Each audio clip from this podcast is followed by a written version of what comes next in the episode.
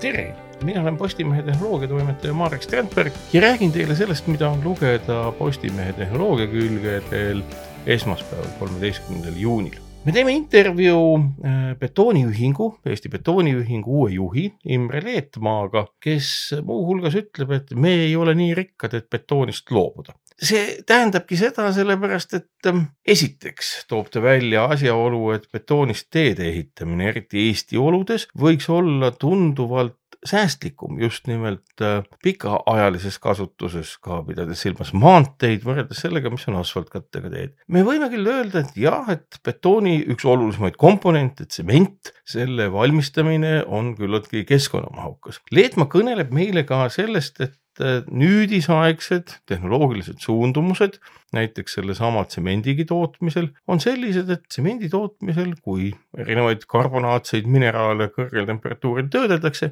siis õnnestub see tekkiv süsihappegaas kinni püüda ja matta kaevandustesse, merealustesse aladesse ja kuhu iganes ja sellega vähendada oluliselt tsemendi tootmise keskkonnamõju ja selle kaudu ka betooni kasutamise keskkonnamõju. betoon on tulevikumaterjal, mida ka Leetmaa kõneleb paljuski ka selle tõttu, et tänaseks on juba majade 3D printimine enam mitte selline laborivärk või niisugune katsetamine, et noh, me proovime, mis välja tuleb, vaid see on omandanud juba täiesti tööstusliku mastaabi. huvitav fakt on see, et Eestis toodetakse ja kasutatakse betooni umbes üks kuupmeeter iga elaniku kohta maailmas on see number poolteist kuupmeetrit iga elaniku kohta aastas ja loomulikult kõige suurem betooni kasutus täna riigiti toimub Hiinas, kus on meeletud ehitustööd käigus ja kahjuks selle betooni kasutus on seal nii suur ja loomulikult nad ei hooli väga selle betooni tootmise keskkonnamõjust.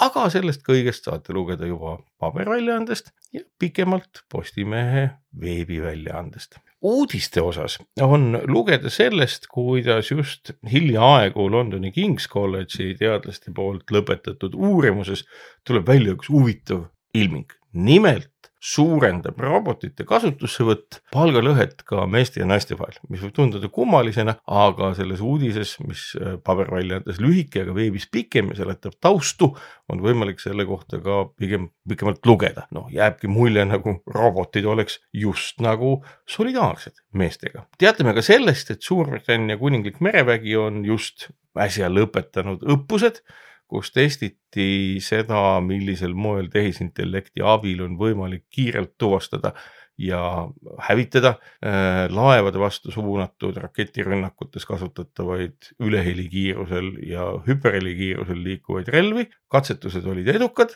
võib-olla on midagi sealt õppida ka Eesti mereväel. Saate lugeda ka sellest, kuidas üks Norra ettevõte on teinud olulise innovatsiooni sellises valdkonnas nagu tuuleenergeetika.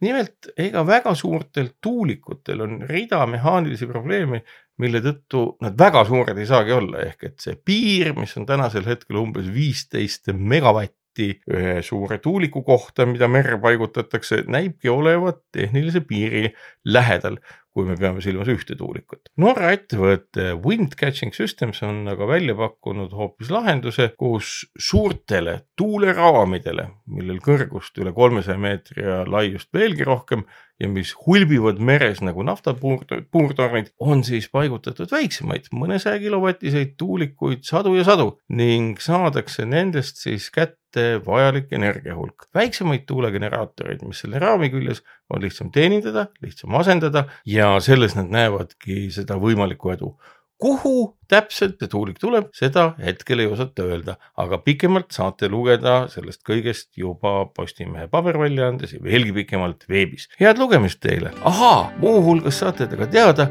kui suur on kuubik, millise mahu täidab igapäevane betoonitoodang maailmas.